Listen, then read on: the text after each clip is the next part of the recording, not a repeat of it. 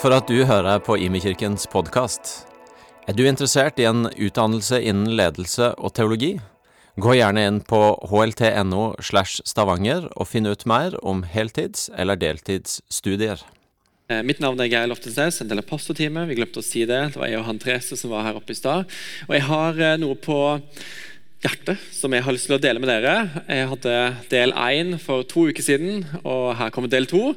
Eh, Det er noe som jeg har tenkt på over tid, og dette gleder jeg meg til.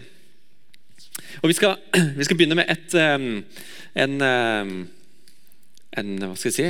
En ja, Vi skal rett og slett begynne med en bibelhistorie. dere. Det var det jeg skulle si. En bibelhistorie. Det er solid. Det er fint å begynne der. Ok, det er altså, Vi, vi kan spole litt sånn eh, tilbake. eh, og da er vi altså nærmer oss høydepunktet, klimakset, i hele frelseshistorien. Og Jesus han inviterer med seg sine tolv nærmeste venner, kalles disipler. Og De skal ha et måltid sammen. Og så sitter de rundt dette bordet og spiser. Og så plutselig så reiser Jesus seg opp, tar av seg kappen og binder et linklede om livet. Og kan se for meg at alles øyne bare følger med på denne uforutsigbare skikkelsen. Hva er det han skal finne på nå for noe? Han heller vann i et fat, og så bøyer han seg ned. Og så begynner han å vaske den ene skitne, sandete sandalfoten etter den andre.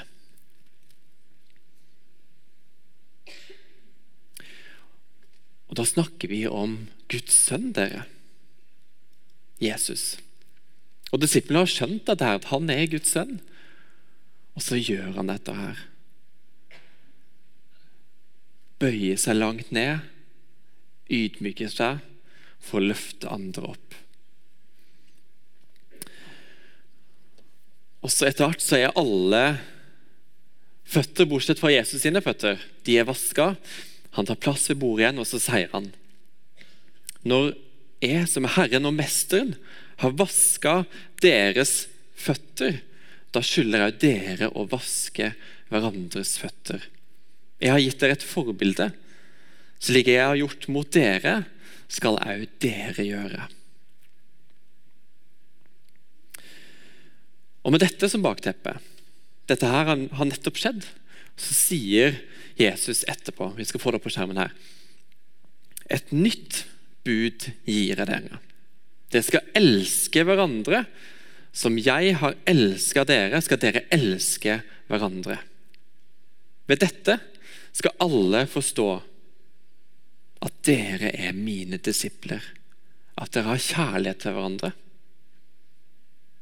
Elske hverandre. Ha kjærlighet til hverandre. Jo da, elsk Gud og elsk de neste som deg sjøl. Det har vi hørt før. og Det er greit. og det, det, ja, Sånn er det. Men Gud, nei, Jesus har jo hatt behov for å legge til et nytt bud. Et klart og tydelig påbud som gjaldt særskilt de som er innafor. De som allerede hørte til i klanen hans. Og I 1. Johannes brev 3,16 så har forfatteren prøvd å forklare hva kjærlighet er for noe. Og det er tydelig at Jesu ord lever videre blant de første kristne. Der kan vi lese hva kjærlighet er. Har vi lært av at Jesus ga sitt liv for oss, så skylder òg vi å gi våre liv til våre søsken. What? Hva sto det her for noe? Skylder å gi våre liv til våre søsken. Altså, Syns du disse ordene her er like sterke og voldsomme som meg? Jeg var inne på det for eh, to uker siden. At Jesus han utvider definisjonen på hva familie er for noe. Og Jeg tror ikke at det er bibelsk å kun kjempe for kjernefamilien når Jesus egentlig har utvida familiebegrepet. Han sa, han sa, det mens han var på korset, hang på korset, men han pekte også mot det før han endte opp der. Og Vi kan lese i Matteus 12 at for den Vi kan gå videre til neste bilde. Nei, sorry, gå tilbake. På slutten her, altså Jesus treffer, eh, nei, Jesus taler til en folkemengde, så kommer familien hans, altså mora og søsknene kommer til han, og Så blir han fortalt ja, mora og søsknene dine er her, og så sier han dette her. Hvem er min mor, og hvem er mine søsken? Så rakte han ut hånden mot disiplene sine og sa, Se, her er min mor og mine søsken. For den som gjør min himmelske fars vilje, er min bror og søster og mor. Gud har kalt oss til å være familie. Og med Den hellige ånds hjelp og visdom og kraft skal vi sammen finne ut av hvordan dette her kan se ut i praksis.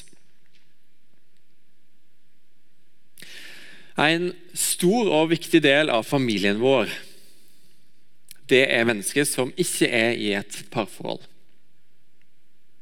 Og Det er jo helt selvsagt. Helt unødvendig å måtte si det, men sånn er det. Heldigvis så glad for det. Og Det gjenspeiles òg i samfunnet vårt. Vi lever i et samfunn hvor det er veldig mange som er enslige og single. NRK og Statistisk sentralbyrå altså Hvorfor har de kalt det noe så tungvint å si som statist, det er sånn tung, tungekrøll? Statistisk sentralbyrå bra, bra, sånn, Jeg klarte det ikke det engang. De, de kartla Singel-Norge mellom 1980 og 2020. Og fant ut at nå er det altså 1,4 millioner single i Norge. Og Det er dobbelt så mange som det var i 1980. Da var det 700 000 ca. Og Her innlemmes single over 18 år, enslige uten barn, aleneforeldre, fraskilte, enker og enkemenn. Per 1.1.2020 er den vanligste husholdningstypen i Oslo aleneboende. Nesten halvparten av husholdningene ved begynnelsen av 2020 besto av kun én person i Oslo. Det finnes mange ulike erfaringer rundt det å være enslig eller singel og la oss si 35 år pluss. Men jeg kjenner få av disse som har ønska å være alene. Og I det så ligger det en form for sorg eller smerte som gjerne oppleves sterkere i noen faser av livet mer enn andre. Og igjen, Det er definitivt ulike erfaringer her, men for en del enslige og single så ligger det klart, helt klart en smerte i møte med hva man har erfart i kirkesammenheng. Og Jeg har møtt eh, flere enslige og, enslige og single i IMI for å høre mer om hva deres erfaringer og deres refleksjoner på områder vi som kirke kan vokse på i forhold til dette. her. Og Noe av det som vi snakker om, kan gjerne deles inn i tre områder. kanskje. Jeg har forsøkt det. Jeg har lyst til å dele de med dere. Det første er kommunikasjon. Jeg vet ikke hvorfor den enden her har endt opp på andre linje. Du kan tolke at det er en eller annen skjult beskjed i det, eller så kan du tenke at uh, det ikke er det. Men eh, først handler det altså om kommunikasjon. Og Det er jo noe som vi gjør både bevisst og ubevisst. Kommuniserer både med ord og nonverbalt osv. Og Her må vi reflektere over Kommuniserer vi som om ekteskap er et mål som alle skal oppnå? Til tross for at eh, Paulus oppfordra til å leve enslig og at også Paulus og Jesus sjøl levde alene. Og som sagt, Ofte så skjer dette her litt sånn ubevisst og menes harmløst, men likevel så kommuniseres det noe. Òg gjennom helt vanlige eksempler som, eller setninger som Jeg skjønner ikke at du er singel, du som er så flott. Det kan jo med første øyekast høres ut som et veldig fint kompliment, kanskje, men hva betyr det for noe? At det bare er de flotte som ender opp i parforhold? Eller at det liksom er noe galt med mannen som man ikke altså, Skjønner du? Det, ligger, det, det kommuniseres noe i disse tingene her. Og videre er det, er det det som er målet, det er det som er viktig for folk? At jeg skal være i et parforhold? Så la oss tenke gjennom kommunikasjonen og hvordan den lander hos folk. og gi, Jeg får hjelp til å få tilbakemeldinger på hvordan dette kan se ut. Det andre punktet handler om eh, arena for uforpliktende relasjonsbygging. Hvor Mange ønsker å eller En del ønsker gjerne å få nye bekjentskap og danne vennskap. Gjerne finne, ha noen folk å finne på noe med, uten at man nødvendigvis er stuck resten av livet med disse personene, som noen sa. Og det er jo litt sånn La oss ta et eksempel her òg. Når vi skal være sosiale, er det vel så naturlig for et foreldrepar å invitere med seg single og enslige, selv om de ikke gjerne har samme referansepunkt rundt bleieskift eller nattevåke. Eller omvendt. Skal vi Kjell øve oss i å være inkluderende i samtaletemaene?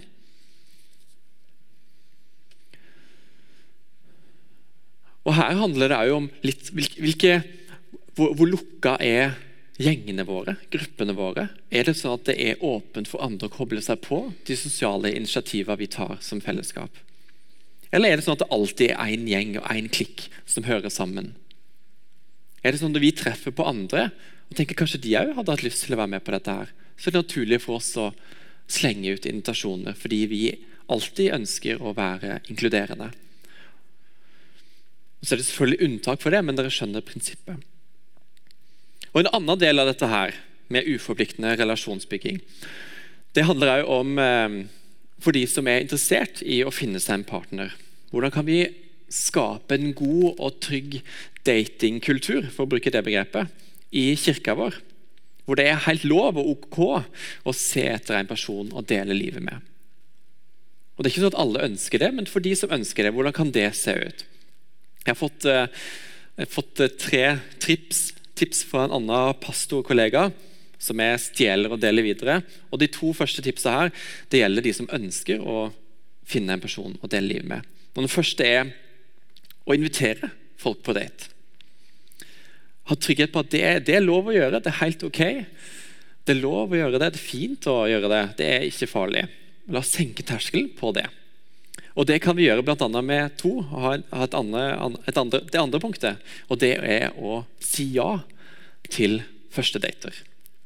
Og Det er jo litt rart å kunne måtte si at alle skal si det, men liksom bare være med meg litt på tanken. at ok, Kan vi gjøre det? Kan vi senke terskelen med oss? Ok, Vi sier ja, vi gir folk en sjanse, det er mulighet, og så, så får vi se hvordan det er. Men det, da anerkjenner vi at, at folk um, forsøker. Og Disse to punktene gjelder jo de som ønsker det. Og Den siste punktet her, av de tre punktene fra den pastorkollegaen, det gjelder oss alle. Uansett hvor vi er henne. Og det er aldri snakk om folk som er på date. Altså, Det er egentlig sladder, dere. Det er jo litt sånn at eh, det kan jo være veldig kjekt å dele om at du plutselig så noen på en kafé. og Det er liksom litt spennende å dele til noen andre. Eller kanskje du har hørt at noen var på date, og da er det veldig interessant sikkert for noen andre. tenker du. Men det gjør det jo mer utrygt og usikkert å f.eks. ha en god datingkultur hvis du vet at dette deles videre. Så bare hold det borte. La det få være mellom de. Og så kan, det, så kan vi heller snakke om noen andre kjekke ting. Nå var, var veldig sånn konkret på noen veldig tydelige punkt som pastor, men det hadde jeg glede av å gjøre. Ok, Så det gjaldt altså uforpliktende relasjonsbygging. Og vi kan gå videre til det som har med å bygge en kultur sammen hvor nære og forpliktende vennskap er en del av den kulturen. Uavhengig av sivilstatus. For dette trenger vi jo alle mennesker. Nære og forpliktende relasjoner. Er, vi er jo ikke, ingen er designa for å være alene. Det er ikke sånn vi var skapt. Hvordan ser det ut at eh, par, barnefamilier, enslige kan tilhøre hverandre. Her i Imkirka har vi en struktur for, eh, som vi kaller for huskirker. Eh, hvor eh, folk inviteres til møtes mellom gudstjenestene, altså i, i, ukedagene. Til gjerne rundt et måltid, hvor vi deler det som står på livet. Deler åndelig liv sammen, ber, leser i Bibelen. Og har nattverdsfellesskap sammen, lovsang osv. Det syns jeg er så fint, og jeg er så glad sjøl for å være en del av en huskirke. Jeg synes det er så verdifullt. Um, Men så er det sånn at huskirke huskirker er jo et veldig fint verktøy, men dette her det kommer ikke av seg sjøl. Det er ikke sånn at fordi vi har huskirke, så trenger jeg ikke tenke mer på disse tingene her. For dette med nære og forpliktende vennskap, det bygges gjerne utenom de organiserte samlingene vel så mye. Det ligger en kraft i det å virkelig tilhøre noen andre, vite at du hører sammen med noen andre. At du har noen som er der for deg. Da vet du at du tåler veldig mye mer hvis du har noen å stå sammen med. Men ikke minst det at du kan, du kan vite at jeg kan få bety noen for andre. For dette her er ikke sånn pity project. Stakkars, vi skal ta av oss noen andre. Det handler om relasjoner. Vi er, vi er på likt nivå. Alle trenger dette her. Alle trenger relasjoner. Alle trenger å stå nær noen. Og det å bli regna med i planleggingen av ferier og høytider, det har virkelig mye å si. For det er en dag som en del kan kjenne på ensomhet, òg for så vidt om man er i et par- eller familiesammenheng. Og jeg tror det er dette området her, det tredje punktet her, det er det Altså når vi, når vi finner ut av de praksisene her, da tror jeg vi begynner å nærme oss den definisjonen som Jesus har av familie. Hvordan dette her kan se ut. Jeg hadde eh, Tone Katla hun delte på gudstjenesten her på for, formiddagen om hvordan hun opplever eh, å eh, være enslig og fortalte litt om det. Så, så nydelig og sårbart.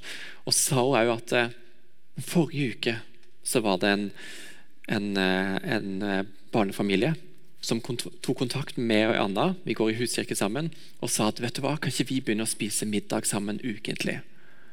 Hun sa wow, det gjorde noe så stort med meg. At noen kunne ta og tenke sånn, tenke tilhørighet sånn. Det var et helt sånn konkret eksempel på disse tingene som jeg syns var så nydelig. Og så forstår jeg at det, det kan være litt sånn belastende for noen at jeg snakker om en fellesgruppe her. For dette er jo først og fremst helt vanlige mennesker. Enkeltmennesker som selvfølgelig er helt som alle andre mennesker. Men poenget her er at vi utfordres til å bygge en kirke, en familie, på tvers av sivilstatuser og her har vi òg en vei å gå.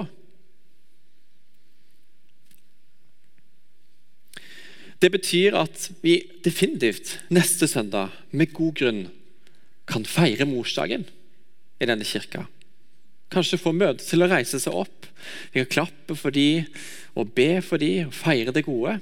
Men samtidig kan vi vite at i samme rommet her så er det mennesker som virkelig skulle ønske at de kunne reise seg opp på den samme dagen.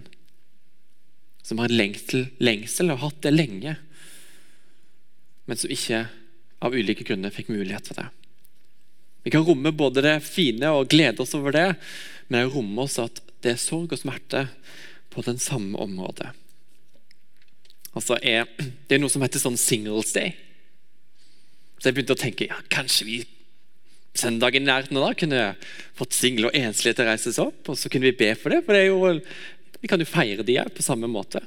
Og så vet jeg at kanskje noen av dere syns det har vært veldig klamt, eller jeg vet ikke, men jeg tenkte ja, ja, artig. Skal ikke si at vi skal gjøre det, men uh, bli med på tanken. Vi leste om Jesus som vasker føtter, som går lavt for å løfte andre opp. Så lavt som å dø. Og på den måten være et forbilde for oss. Om vi faktisk skylder å gi våre liv til våre søsken, som vi leser om i Bibelen, men er i den heldige posisjonen at vi slipper det Hva annet godt kan vi gjøre for å vise at vi elsker våre søsken i trosfamilien vår? En av de måtene vi kan gjøre det på, er i hvert fall å lytte til hverandre på den måten kan vi forstå hverandre og kjenne hverandre. Forstå hvor, hvor forskjellige vi er. Det er lettere å elske hverandre. Og Jeg har, eh, er så glad og takknemlig for at jeg har fått med meg ei til å dele litt fra hennes, eh, hennes eh, refleksjoner Hun er en utrolig flott dame, utrolig dyktig til å kommunisere. Har et skikkelig stort hjerte for mennesker som ikke hører til her i kirka ennå. Så vil jeg skal ta veldig godt imot Anne Berit.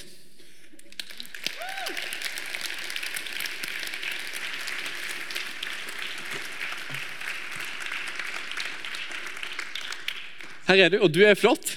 Ja, takk. Ja. Så jeg skulle bare si at Hvis det er for å feire single og sånn, dere kan godt få feire meg hver uke. ja. Ja, så bra. Det høres gøy ut. Du, eh, kan ikke du dele litt om noen av de tingene du har tenkt på når jeg har sagt dette, snakket om dette her? Ja, Altså, bare, ja. først bare si at jeg kanskje er litt skuffa, fordi jeg hadde håpa at vi skulle sitte på liksom, hver vår stol Ja, og ha sånn litt sånn eh, Skavlan-aktig. Ja, ja. ja. Eh, også, Jeg vet ikke om du legger merke til hva slags eh, sko jeg har på meg i dag. Ja, for Vi skulle jo ha sånn sex- og singelliv-gudstjeneste i dag. Så Har du sett noe på den serien? Ingenting. Det er vanvittig glamorøst, skjønner du. Det er så, og det er liksom skyhøye hæler og fin manikyr og alt. Så jeg tenkte jeg, jeg kjører sex- og singellivssko i dag. Ja, så bra. oi, litt dårlig balanse.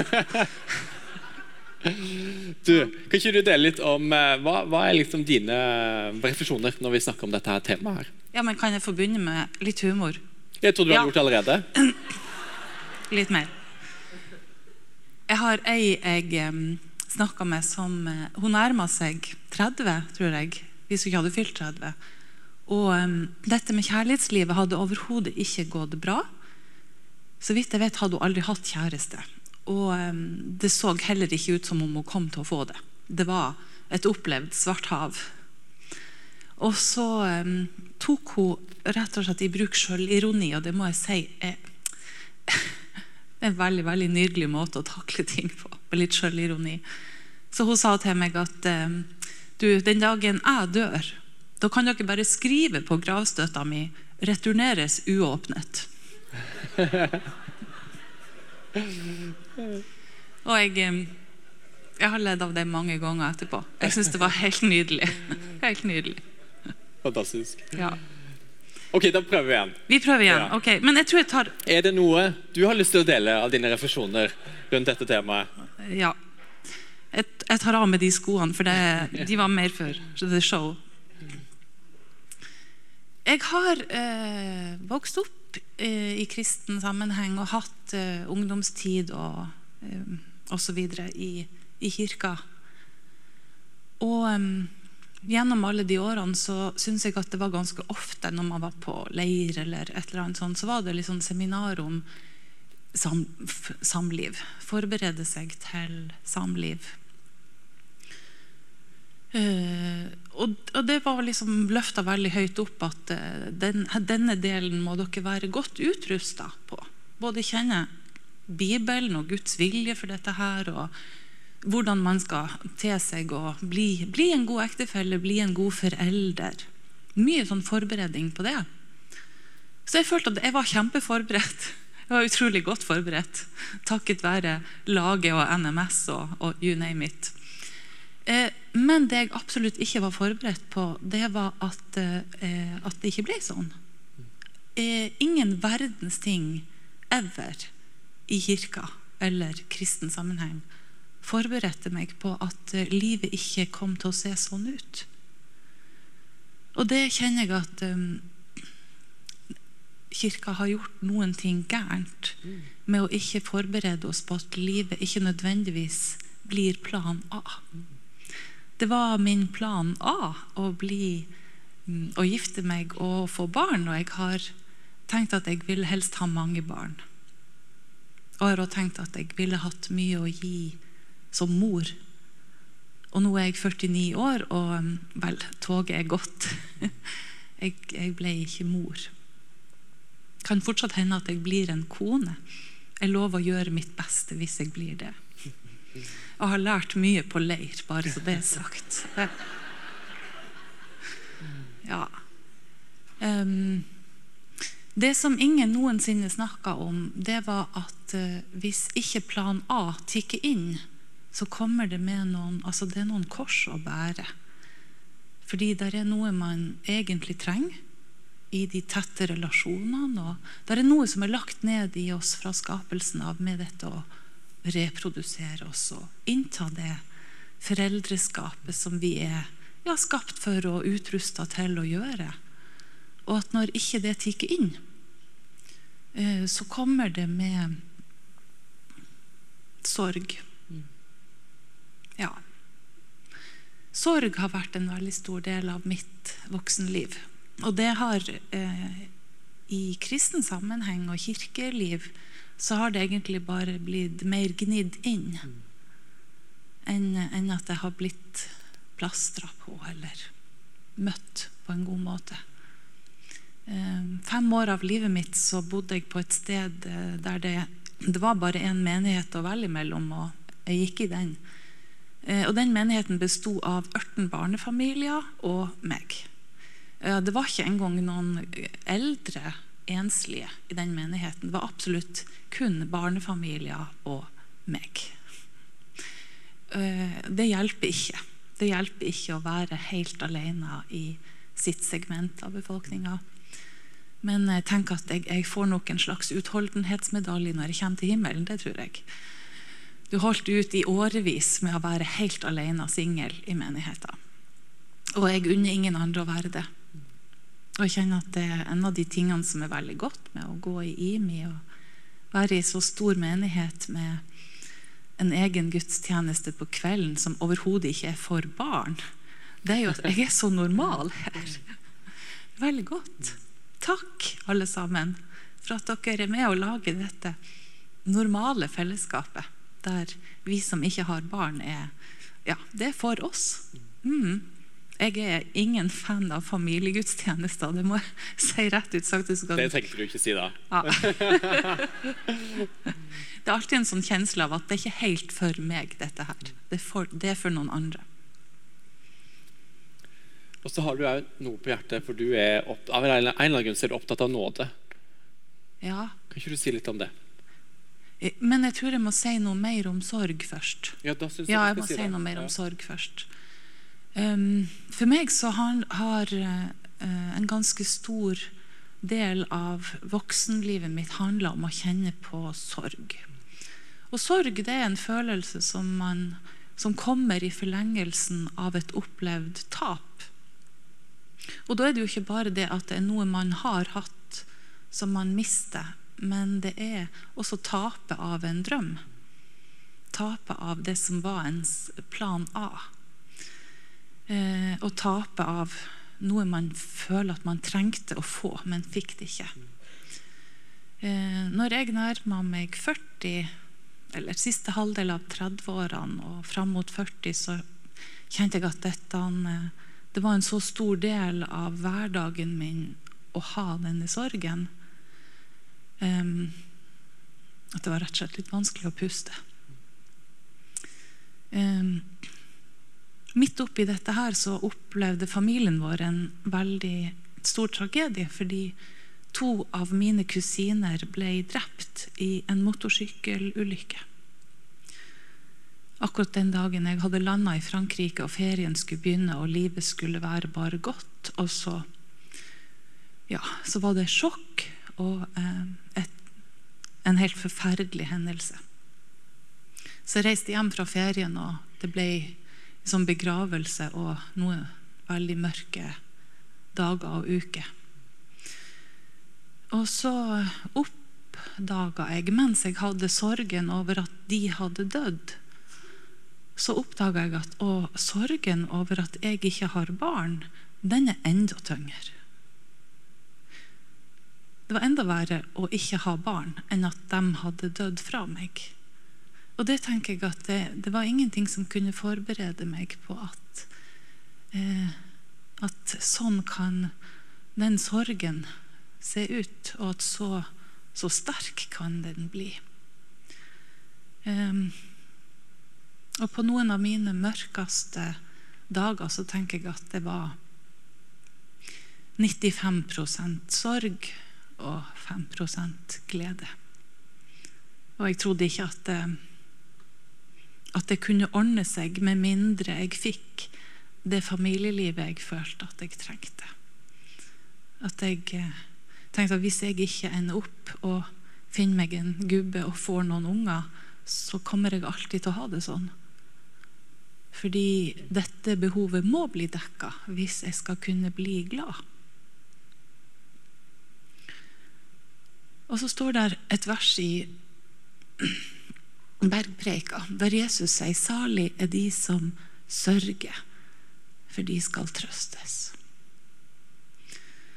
Og et av mine aller klokeste valg i livet, det var å sørge mens jeg hadde sorg.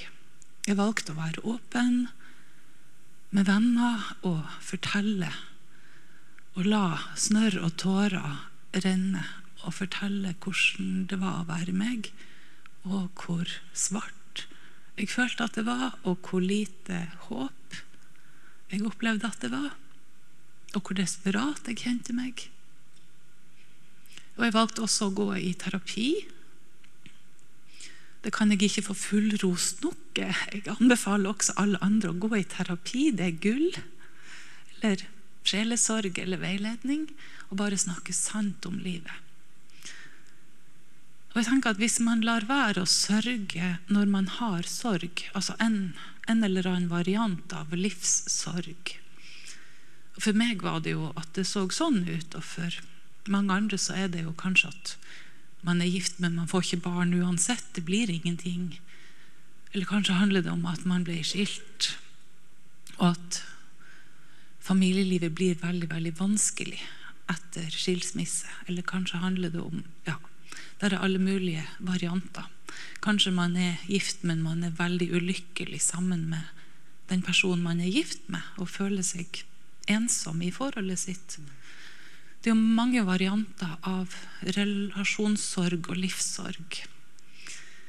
Og mitt klokeste valg det var å velge å sørge.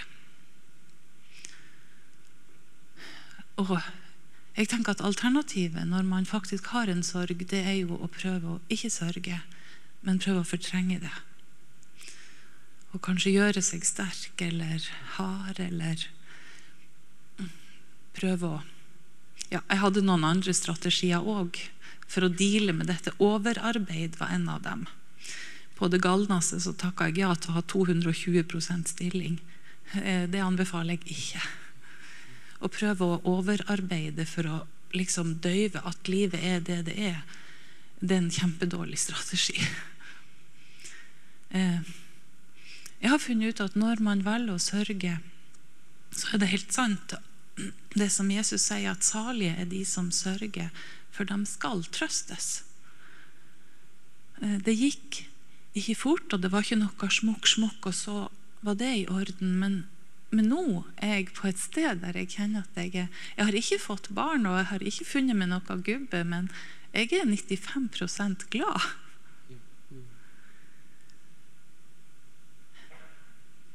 Ja, Jesus har holdt ord. Han har holdt ord.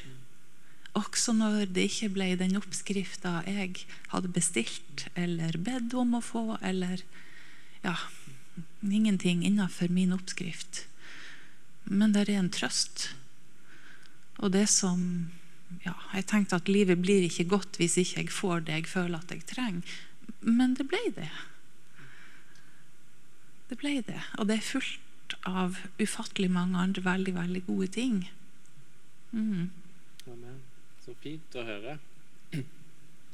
Takk skal du ha for at du deler, at du er sårbar. Anne Berit. Det betyr noe for oss. Skaper noe her i fellesskapet.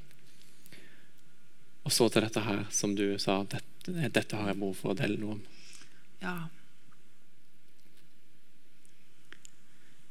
Um, Bibelen den legger lista høyt for oss når det gjelder dette som har med hellighet å gjøre. Hvordan vi skal leve ut hellighet i relasjoner og um, seksualitet. Og så er ikke det så veldig lett å leve sånn når man har alle behovene på plass, men ikke relasjonene. Um, og jeg har endt opp med å uh, leve på tvers av, av det jeg vet er hellig, og rent. Og jeg tenker at Gud har lagt lista høyt, ikke for sin del, det er for vår del. Det er for at vi skal bli beskytta av det. At seksualiteten skal være ramma inn av noe som er kjærlighet, og som gir oss trygghet, stabilitet. Det som er velsigna og godt. Og jeg fikk høste ei erfaring av hvor smertefullt det var å utsette seg sjøl for feile ramme. Det som ikke var kjærlighet, og som ikke var trygt. Og midt i dette så satt jeg med et knust hjerte. Og kjente meg knust på alle måter. Og fant ut at jeg må gjøre er å gå til Skriftet. Og så gjorde jeg det. Jeg gikk til Skriftet. Og hun jeg kom til, hun var en svensk diakondame. Og når jeg sa hva jeg hadde på hjertet, så tok hun så godt imot meg. Ikke et eneste fordømmende ord.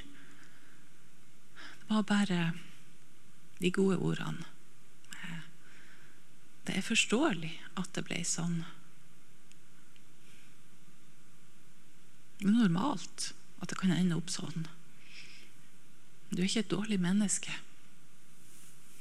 Og så ble det en plass der jeg kunne få tappe ut smerte. Mye smerte.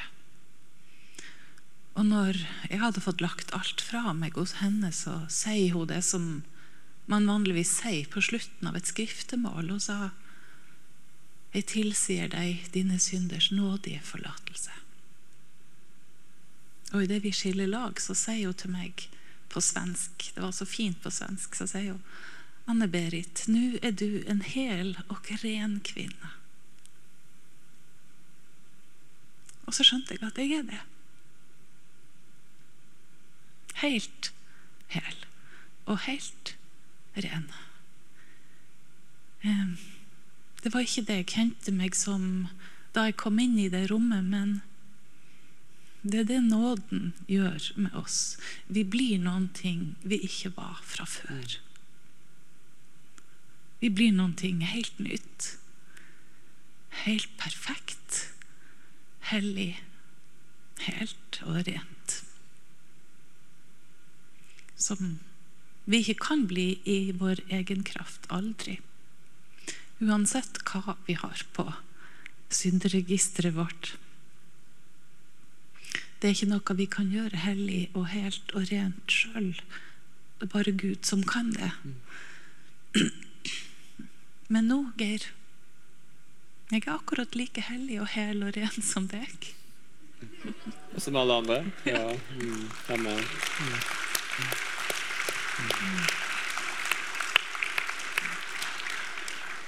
Tusen, tusen takk for at du deler dette. her. Det gjør noe med oss, jeg er sikker på.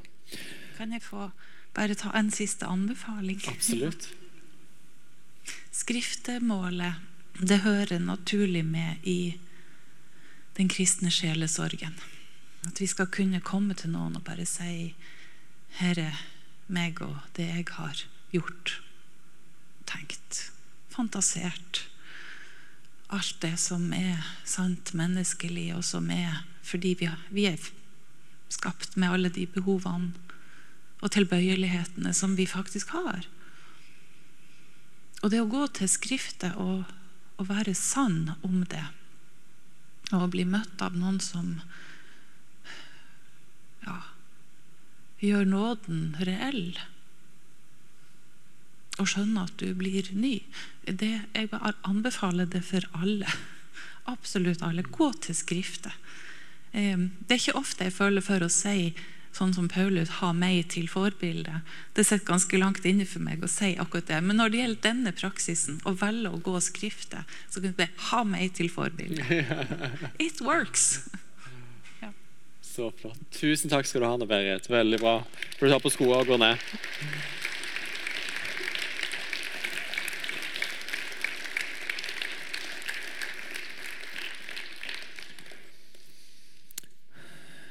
I min kirka er og skal være en kirke hvor vi som mennesker tilhører hverandre ikke fordi vi er like, men fordi Jesus har ført oss sammen.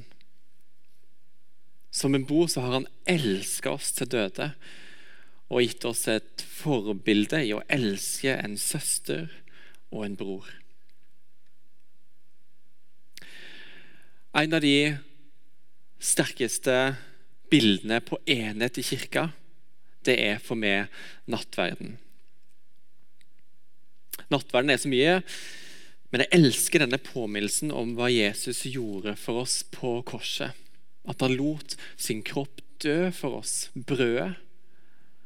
At han lot blodet sitt renne for oss, vinen, for at vi skulle være helt nær Gud igjen. Og er ekstra glad i å dele ut nattverd. Og forsøker alltid å få øyekontakt med de som mottar. For merker at det gjør noe med meg hver gang.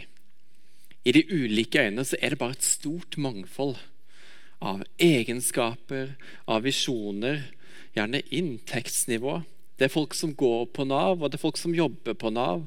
Det er folk som er single, og det er folk som har flere ekteskap bak seg. Det er avhengige, og det er uavhengige, og det er ulike fargenyanser på huden, og ulike morsmål, og ulike grader av funksjonsevner. Og i de samme øynene så er det en sterk påminnelse om at du er min bror. Du er min søster. Vi er en stor familie. Vi er sammen om å feire Jesus. Vi tilhører hverandre. I nattverdsmåltidet så får pluralismen, mangfoldet, råde og enheten stråle. Det var det kanskje litt pompøst sagt, men eh, jeg liker det. Og Det er kanskje det sterkeste stedet i hele verden hvor disse to henger så tydelig sammen. Pluralisme og enhet. Og gjerne kanskje særlig i en tid med splittelser og ekkokamre. For et vitnesbyrd kirka er og kan være i denne verden. Jesus sa det sjøl. Gjennom kjærligheten dere har til hverandre, så skal folk skjønne at dere er mine disipler. I litt eldre eller gjerne i hvert fall andre kirkebygg enn dette her, så finnes det en sånn altering som er en sånn halvsirkel som folk kommer fram og kneler på når de mottar nattverd. Og Den symbolske effekten det har, er at her kommer vi fram, men dette måltidsfellesskapet er med en helt annen halvsirkel som, som joiner oss i samme fellesskap. Av de som allerede har gått før oss for andre tidsaldre, kulturer, verdensdeler og hva det måtte være. Og her, i dette nattverdsmåltidet, så kommer vi sammen og har et felles måltid. Som gjerne man går i en kirke som er veldig homogen. Så er likevel påminnelsen der. Ja, men vet du hva? Egentlig så er den ikke det, dette fellesskapet her. Det er mye større. Og for nattverden det er jo et frampek mot himmelen. Og apropos dagens tema. Jesus sier sjøl at himmelen så, i himmelen så er det ingen ekteskap. Det er ikke sånn som det fungerer her. Det er en ordning som er mens vi er på jorda. Men i himmelen så vil mennesker som tilhører Jesus, fra ulike tidsaldre og generasjoner, verdensdeler og kulturer, føres sammen og bli ett på en måte som vi ikke har evne til å fatte eller forutsetninger til å fatte i den tida vi lever nå her på jorda. Og la oss, sånn som Jesus lærte oss, be. Far, la din vilje skje på jorden slik som i himmelen. Allerede nå og enda mer.